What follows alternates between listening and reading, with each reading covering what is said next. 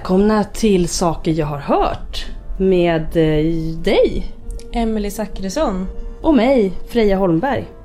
Ehm, vi har ju länge sugit på det här med hemlig kunskap och eh, fria fantasier. Eh, vi har ju pratat om allt från Atlantis till eh, troll Mm, och plåttarmosar. Man kan säga att vi har rört oss som katten kring het gröt. Precis.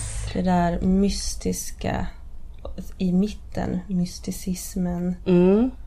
Eh, det är så här att jag är sjuk. Jag kommer kanske hosta under podden. Jag kommer kanske härkla mig och sådär. Jag är förkyld. Men jag har andra åkommor också.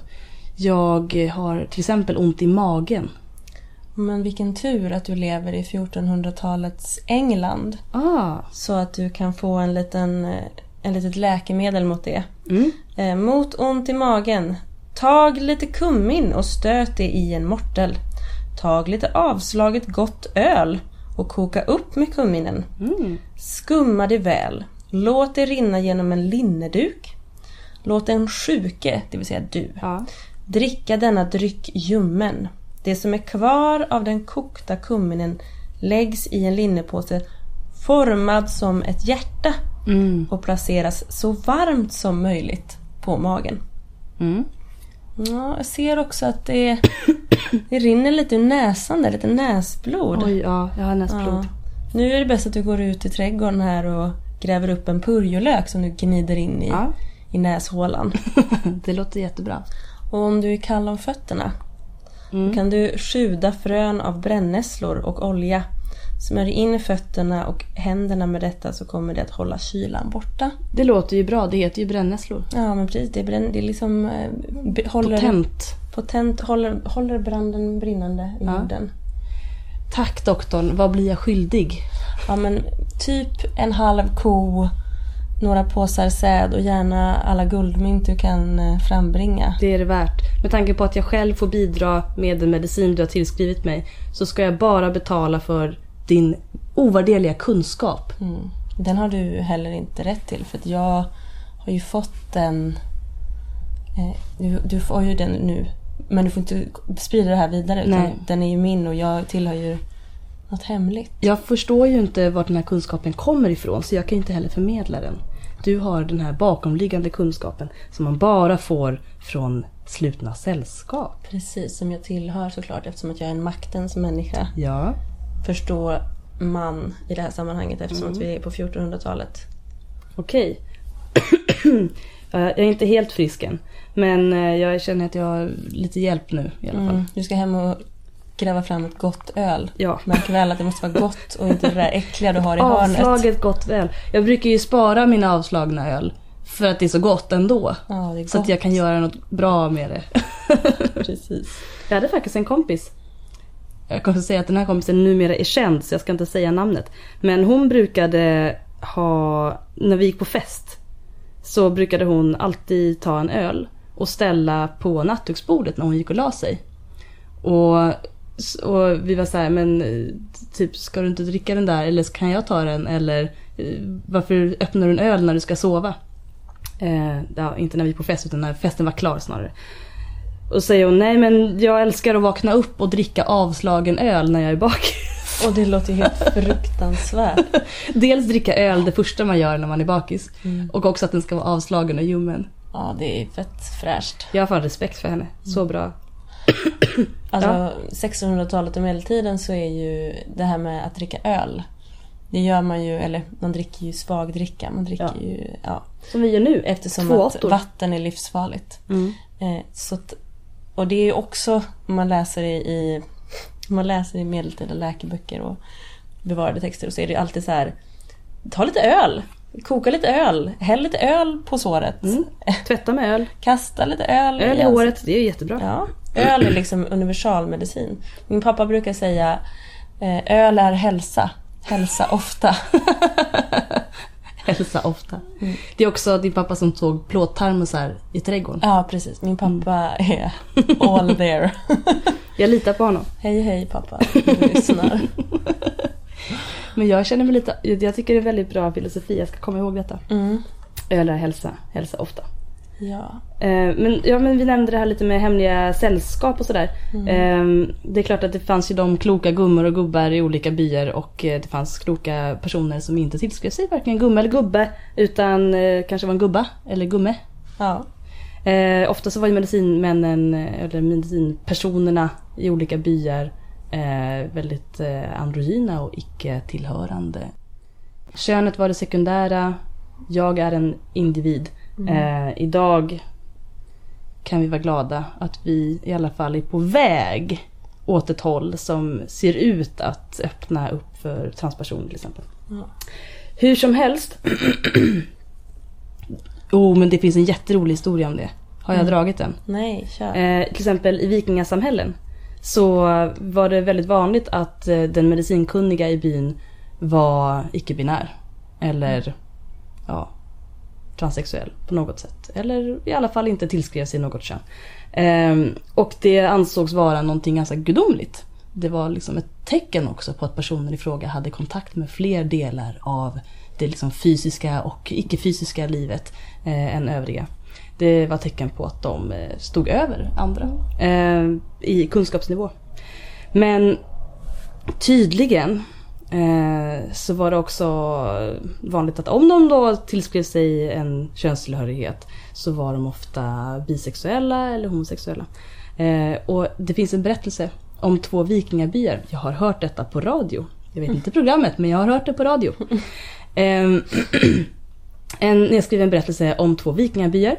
Där båda hade varsina eh, medicinmän som hade haft en relation med varandra. Mm. Och det var okej. för de var medicinmän och något annat kunde man inte förvänta sig.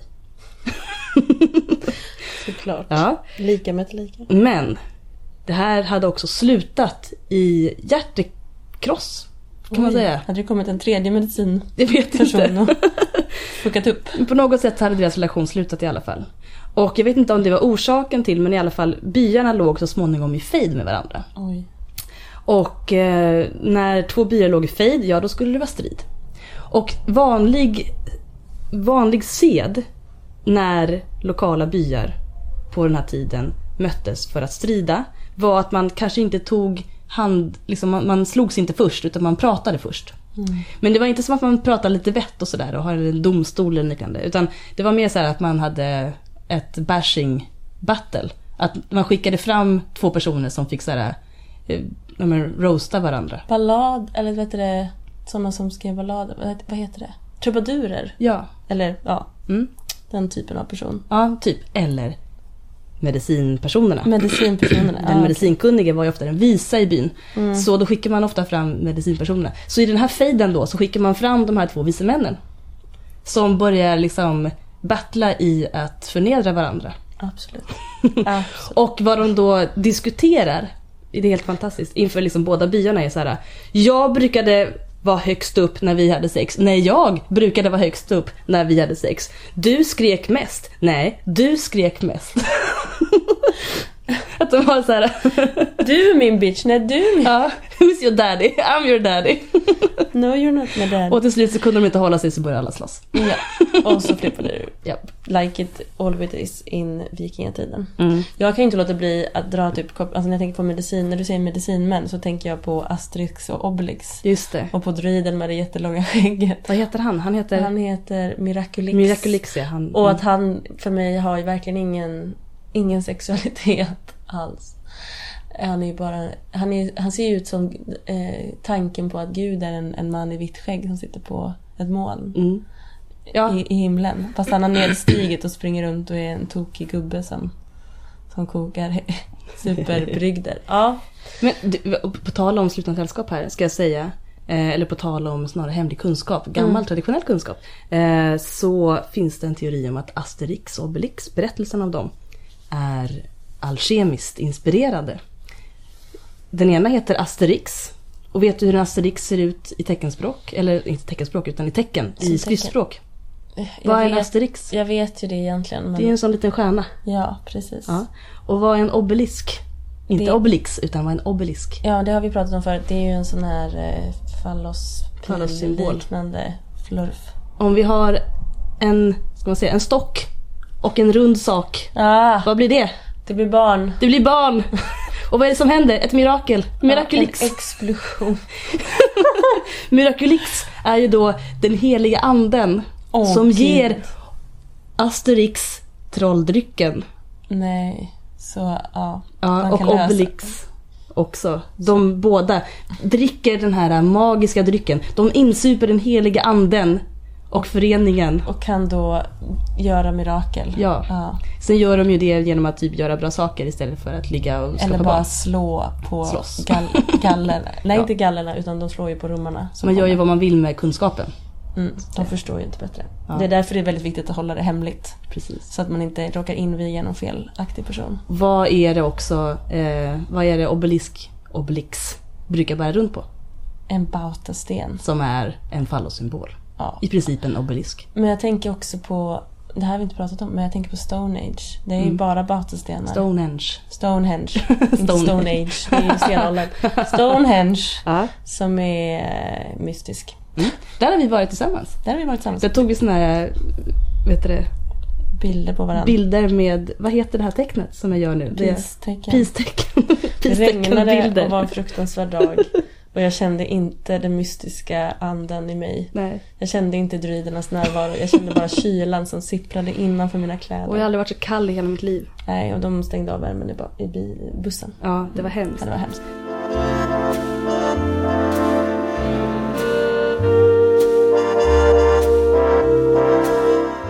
Ja, åter till temat. Men vi har någonting här. Ja, Vet du om att det finns någonting som kallas för Atlantis? Ja, det har vi pratat om. Men Atlantica?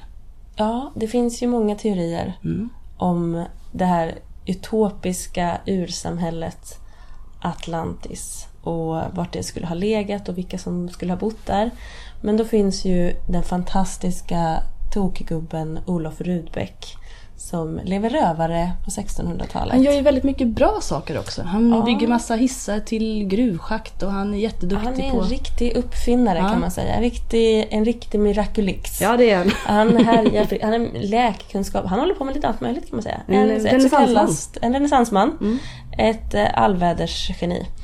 Men han har bland annat en fantastisk eh, teori som såklart blir väldigt poppis under, under 1600-talet när all superioritet, eller vad heter det? Superiority. Ja, Super- superioritet. Ja, vi kan säga det ordet. Mm. Eh, 50 poäng i alfabet. eh, är välkommen för att svenska folket går på knäna eftersom de skickar iväg alla, alla friska människor till krig. Mm. Eh, så då kommer Olof Rydbeck på den fantastiska idén om att det är ju no- alltså Norden, Skandinavien, som är platsen där Atlantis eh, en gång steg upp. Och det är helt enkelt här som all kunskap, all kultur, allting härstammar.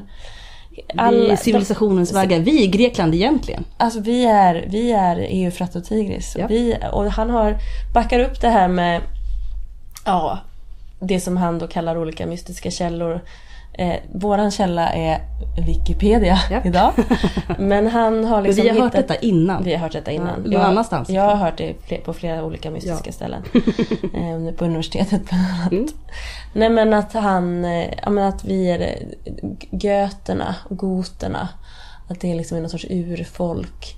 Eh, och att, att han har arkeologiska fynd, han har så här, ja, namn... Etymologiska. Etymologiska fynd, eller etymologisk kunskap. Mm. Och han, han har en massa idéer helt enkelt. Eh, och han såklart studerar han Ho- Homeros texter. Yes. Och påstår att eh, alla de där, Odysseen och alltihopa, det, det var här. Japp, allt var här. Ja. Det var här Noa byggde sin ark. Mm, goterna kommer från Lappland. Japp. Det är, bara, det är liksom inga konstigheter. Nej. Adam steg ner här någonstans Ja.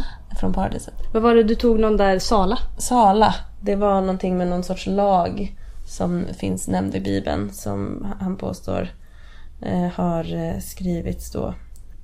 Men eh, det, det pågår vilt och hysteriskt helt enkelt. Och, så, och allt det här. Han samlar in information efter eget tycke. mhm. På den här tiden fanns inte källkritik. Nej. Utan den som har den bästa idén vinner. ja, och eh, kommer ut med den först också. Ja. Och då fick han i uppdrag, han fick väl i uppdrag tror jag, att skriva ner allt det här. I Atlantikan. Ja.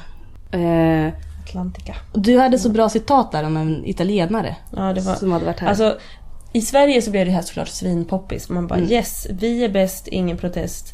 Hej och hå och hu och hi. Mm. Eh, utomlands däremot så var det liksom... Eh, han låter gallerna eller fransmännen komma från ett ställe mitt i Lappland där han har funnit en flod som heter Gallus. Och han påstår att den saliska lagen blivit stiftad i Uppsala eller vid Salberg emedan dessa orter ligger vid floden Sala. Visst. Eh, jag vet inte. Alltså- han har liksom en massa idéer. Eh, och han är, är ju såklart superpeppad på Platon och så. Ja.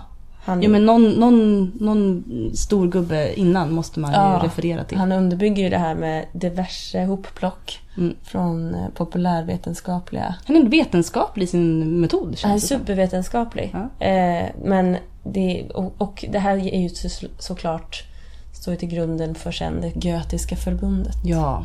Det finns alltså kvar idag, det götiska Gö, ja, precis. Götiska förbundet. förbundet. Här i Göteborg såklart, vi bor ju i Götaland. stad.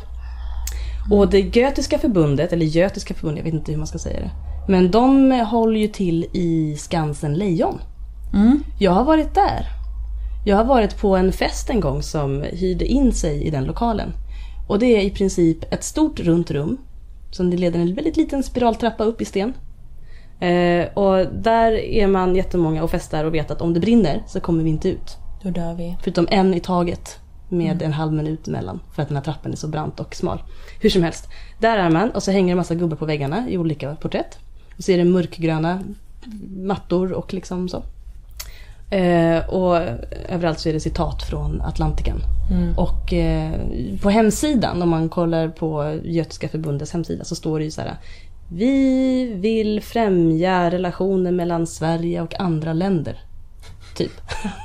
Vilket är ett hop, ett hop, ihop i ihop. Det är ett fint sätt att be- beskriva vad man tror på. Men det de förvaltar är ju denna kunskap då. Mm. Kunskap om Sverige som urnationen. Som en föredömsnation. Ja. Och det behövs ett slutet sällskap för att bevara denna kunskap. För nu för tiden så är den inte så populär. Eller erkänd. Man är också väldigt glad om, om den stannar i att vara hemlig och att de här människorna bara umgås med varandra och inte umgås med någon annan. Ja. Det är så Och de är glada av att umgås med varandra också.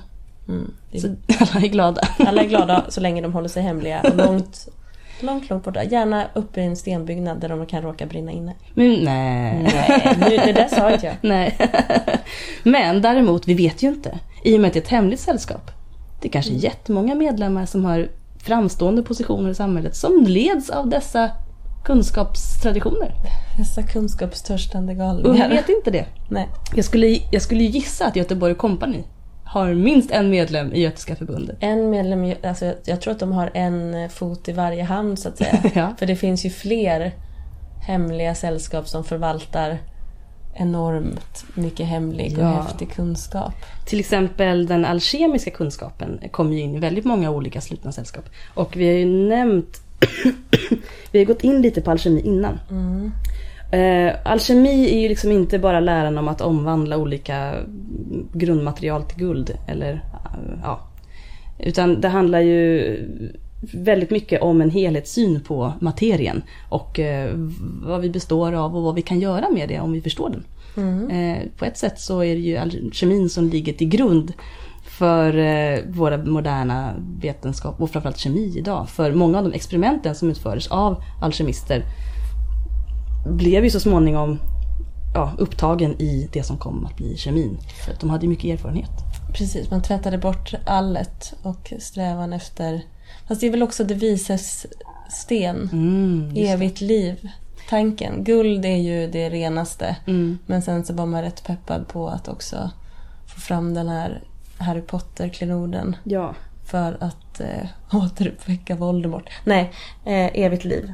Mm. Eh, Det var ju då, om man hade bemästrat mm, alkemin precis. så hade man funnit en visesten, eller det visesten. Mm. Eller den heliga graal.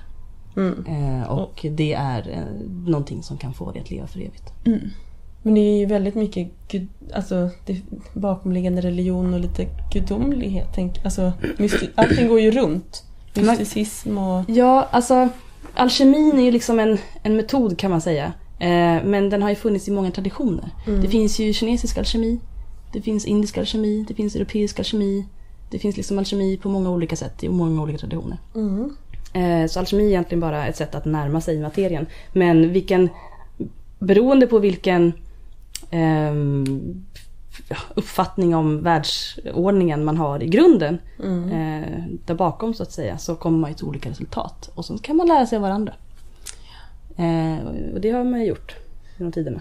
Eh, så mycket, mycket av alkemin handlar också om eh, den gudomliga ordningen, eller det gyllene snittet. Ah. Och det gyllene snittet, eller pi som det också kallas för. Det är ju någonting som återkommer i naturen till exempel. Och hur vi kan, om vi använder de här principerna som, som pi står för och om vi förstår hur naturen själv växer och mm, använder sig, ska man säga, ja. Om vi säger så här. Om jag tappar en sten i vattnet, vad händer då? Då sjunker den. Ja, men vad händer på ytan? Det blir en massa ringar. Det blir ringar på vattnet. Mm. Mm. Eh, om jag tittar upp i skyn. Om vi säger att jag har, eh, om jag har teleskopögon. Mm. Jag kan se ut i rymden. Absolut. Eller bara om jag tittar i teleskop. Ja, Då kan jag se nebulosor och sådär. Hur absolut. ser de ut? De ser ju ut som ringar på vattnet. Ja, Sådana spiraler. Spiraler. Om jag tittar på mina fingeravtryck. Mm. Då är det spiraler där också. Man vill ju hitta ett system, alltså en formel för hur allting hänger ihop, Mm, tänker jag. Precis. Att det liksom, att, att eh, allting är en, allt, allt är ett och ett är allt. Ja, mikrokosmos, makrokosmos. Mm. Olika principer upprepar sig på olika ställen. Mm. Eh, med samma syfte kan man säga. Ordning och reda. Ordning och reda. Och det finns ju, det finns ju många som har forskat kring detta. Eh, om man pratar om akustik Mm. så kan man säga så här. Ja, allting är vibrationer. Allting är en frekvens. Och det stämmer. Alla, moleky- alla atomer har liksom en spänning, en rörelse. Alla, allting. Det är som det här med de, det vi pratade om när vi pratade om aliens och, och monster, att de bara är på en annan frekvens som vi inte kan som vi inte kan uppfatta med Ja. våran kropp. Mm. För vi att inte- allting var en dröm. Ja. Och Sunset Beach är slut. ja, fortsätt. Allting vibrerar, allting Ja. har en frekvens. Allting Mm. vibrerar. Våran kropp har en frekvens. Olika delar av vår kropp har Mm. en frekvens. Vi hör vissa frekvenser med våra öron. Vi ser vissa med våra ögon. Vi, vi har liksom... Ja, alla delar av våra kroppar har olika frekvenser. Ehm, våra hjärnvågor har en frekvens och så vidare. Så allting är akustik kan man säga. Mm. Och akustik eh, samspelar med sin omgivning. Mm. Ehm, och någonting då som till exempel, vi har tagit upp det här med valnöten innan. Nej, ja kanske. Ja, jag tror vi nämnt det. Ehm, hjärnan ser ut som en valnöt. Eller valnöten ser ut som en hjärna. Mm. Eh, och vi ska prata lite om hur man använder sig av det. Men eh, en teori kring varför det är så är för att hjärnan växer inuti ett skal kan man säga. Mm. Skallen. Skalen. Skallen som är nöten. Ja. Ja, ja. Och eh, hjärnans liksom, uppgift är att ta in information. Frekvenser det vill säga. Mm. På många olika sätt. Och också skapa ny information. Det pågår massa frekvenser i hjärnan. Och i, i en, en form som måste hantera väldigt mycket information så är tydligen den här formen väldigt akustiskt eh, främjande. Det, hjärnans utseende eh, har kommit till av att allting vill spara energi. Och det här är den eh, form som tar minst energi att växa i. Att, att ta uttryck i kan man säga. För att hantera all information som kommer in. Och precis så är det med valnöten också. Varför den växer på den formen är för att i skalet så uppstår akustik. I det här hårda valnötsskalet. Mm. Och när kärnan växer i skalet så är det den här akustiska formen då som underlättar mest för materien att växa. Allt vill spara energi. Så Det handlar bara om akustik. När man byggde operahuset i Sydney så modellerade man taket i operasalen efter insidan på en valnöt. För man vet att det är en perfekt akustik. Och det vet man på grund av också eh, gyllene snittet. Ja, det handlar om pi. Jag kan inte förklara hur, för jag är väldigt Nej. dålig på matte. Vet, Men alla säger det. Siffror gör mig jätterädd. Ja, men man brukar ju prata om snäckor och, och om man gör olika uträkningar så märker Mm. man att allting går ihop till ja, en fin slutsumma som är pi då. Ja, så musik är geometri. Mm. Geometri är natur. Natur, ja, vi är en del av naturen. Mm. Allt är naturligt. Allt är naturligt. har vi kommit tillbaka till. Det, här, det är en väldigt lång snurrig bana detta. Mm. Men det är intressant. Men det är de här, den här kunskapen i alla fall om att allt hänger ihop på det här sättet som ofta har eh, bevarats i slutna sällskap. För om man sa till kyrkan till exempel så här, eh, Det är inte så att det kanske är Gud som har bestämt att en valnöt ska se ut så här. Eller att hjärnan ska se ut så här. Utan det handlar om att bevara energi för saker som växer materiellt. Det finns en logisk förklaring, Ja. inte bara en biblisk. Då säger kyrkan nej!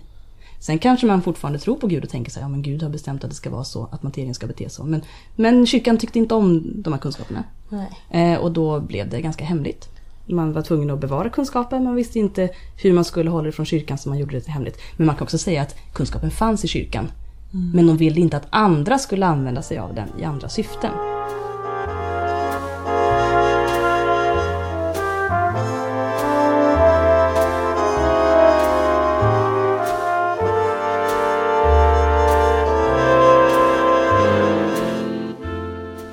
Alltså det finns ju så här jätte, det finns ju tidiga medeltida bilder av så kallade vetenskapsmän som har sån här skön munkfrilla. Mm. Att de, de först, alltså inom, inom katolicismen så var det ju, det har vi varit inne på förut, mer accepterat, eh, åtminstone tidigt, så var det mer accepterat med ja, vetenskapliga experiment och ja, mysticism, magi, hela fallerullan. Annars skulle ju liksom hela det här med helgon och allting bara, hela systemet skulle fallera om man inte tillät det oförklarliga och mystiska och så. Samtidigt som att man faktiskt strävade efter kunskap. Men sen så insåg man väl kanske att kunskap är ju makt Mm. och eh, ovetande får är mycket lättare att få in i follan. Heden ska ha kunskap, men fåren De ska, ska snällt följa. De ska bara bräka och Ja. stå i hagen och vänta på gräs. slakt. Äta gräs. Ja. Eh, så det finns ju en, en rädsla för, eh, för det definitivt. Mm. Ehm, till exempel de gotiska kyrkorna är ju byggda på det gyllene snittet som princip. Så kyrkan hade ju den här kunskapen. Precis, och där fanns det alltså de här katedralerna. Eh, det här med ingenjören, alltså den personen som har vetskap om allt. Den De fria murarna. Ja, precis. De fria murarna. Men innan vi kommer in på de fria murarna så, så vill jag prata lite signaturlära. Mm. Ja. Lite snabbt, för att jag har hittat en fantastisk människa. På tal om valnöten och hjärnan. Exakt. För om jag hade sagt att jag hade huvudvärk till dig i början här. Då hade du sagt Give me all your money så får du lite valnöt. ja. För det var lyx. Och det roliga är att med vetenskapens hjälp idag så har vi kommit fram till att valnöt faktiskt är bra för hjärnan. Precis. Precis. Vilket är jättekul. Eh, faktiskt. Ja. Eh, det finns, fanns något som heter signaturlära. Mm. Som såklart eh, uppstod i, trumvirvel, antikens Ja. Grekland. Typ. Ja, eller under antiken. Jag är så glad att vi hade, förlåt att jag avbryter, jag är så glad att vi började allra första avsnittet i den här podden med antiken. Ja, det, det är så passande. Det är så bra. Det är så, Mm. Alltings eh, början, mitt och slut. Eh, och det fanns en snubbe som hette Paracelsus. Mm. Är han mer känd som idag? Denna oerhörda kändis. Han hade ett annat jättebra namn. Men han ha- Bombastus. Han he- Ja, hette egentligen Philippus Aurelus Theopharstus Bombastus von Hohenheim. det är ett väldigt bra namn. Eh, han är också född i Salzburg. Eh, nej, han dog i Salzburg, född i Einsendal. Ja, han var schweizare. Ja. Alkemist och naturfilosof och allt möjligt.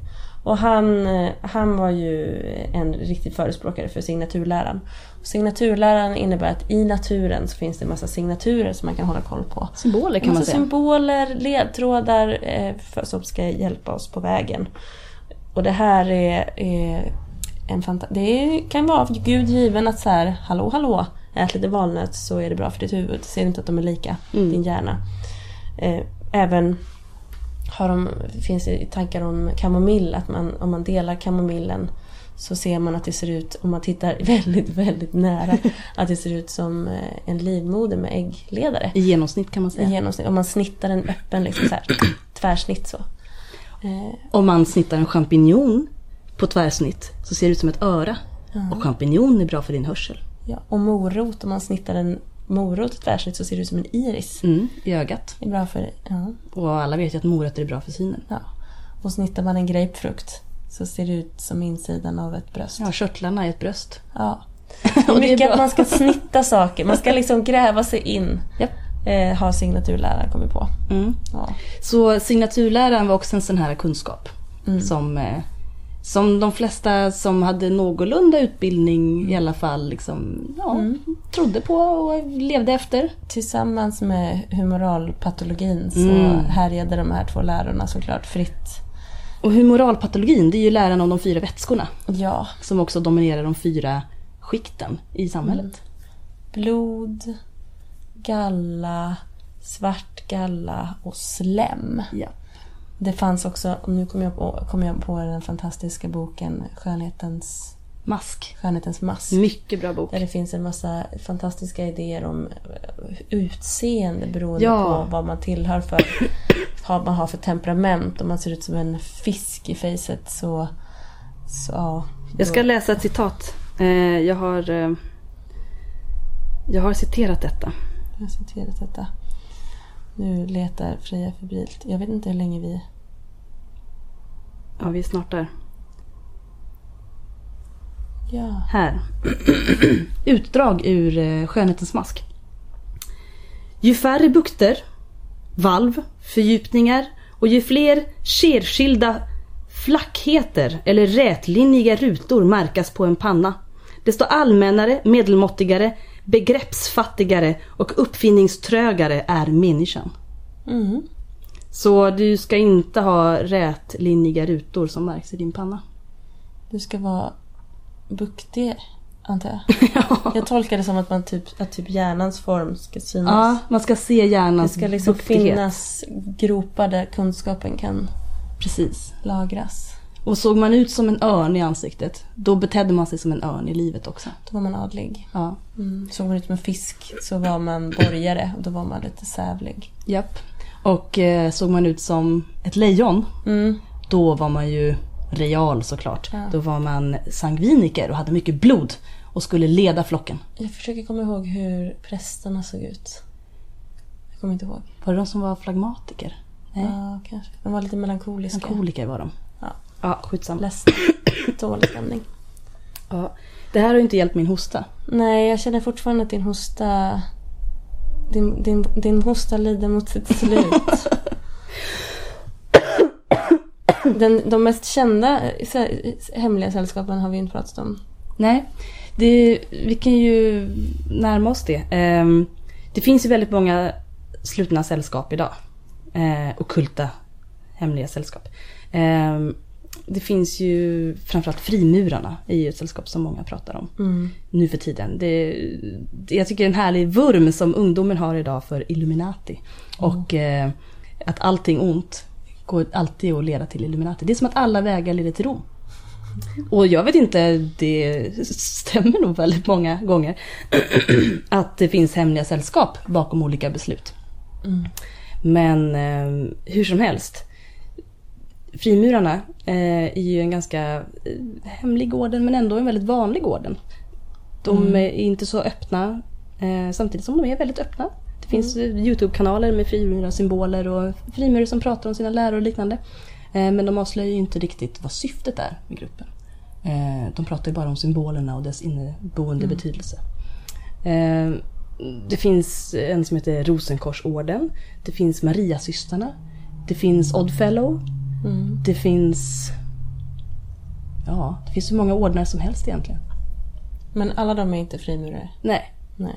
Eh, många av ordnarna som finns idag bygger ju på äldre traditionell kunskap som ofta härstammar från Egypten. Och det, vi pratade lite i Atlantis om att de grekiska filosoferna utbildade sig ofta i Egypten. Och våran västerländska filosofis grund bygger egentligen på egyptiska idéer. Eh, och många av de här slutna sällskapen påstår sig bevara kunskap från Egypten och eh, från den tiden då Egypten faktiskt grundades av för detta atlantianer. Ja, alltså det här med slutenheten handlar ju också, alltså just det här bevarandet. Att en högre stående grupp på något sätt ska skydda kunskapen från allmogens dumhet eller från, från kyrkan. Eller, Mm. ja, att, det liksom, att det finns ett hot mot den och därför måste man skydda den. Det är lite som kärnkraft. Mm. Med kärnkraft kan du göra fantastiska saker. Eh, men du kan också göra helt fruktansvärda saker. Mm. Du får bestämma dig för hur du ska använda dig av kunskapen. Och tyvärr så har den ju ofta missbrukats. All makt har ju en risk att missbrukas. All makt åt Tengil. Vår befriare. Mm. Eh, ska vi sluta på den noten? Ja, kunskap är makt och eh, kunskap är hemlig. Och all kunskap är bra kunskap. Om den är sann. ja, vad är sant då? Det tar vi nästa gång. Då ska vi prata om sanning och sannolikhet. Nej. Eh, jag tror vi säger, eh, Ja. vi säger tack och hej. Eh, leverpastej. Vetenskaplig leverpastej. Vetenskapligt framtagen, testad leverpastej. Alkemisk leverpastej. Tack.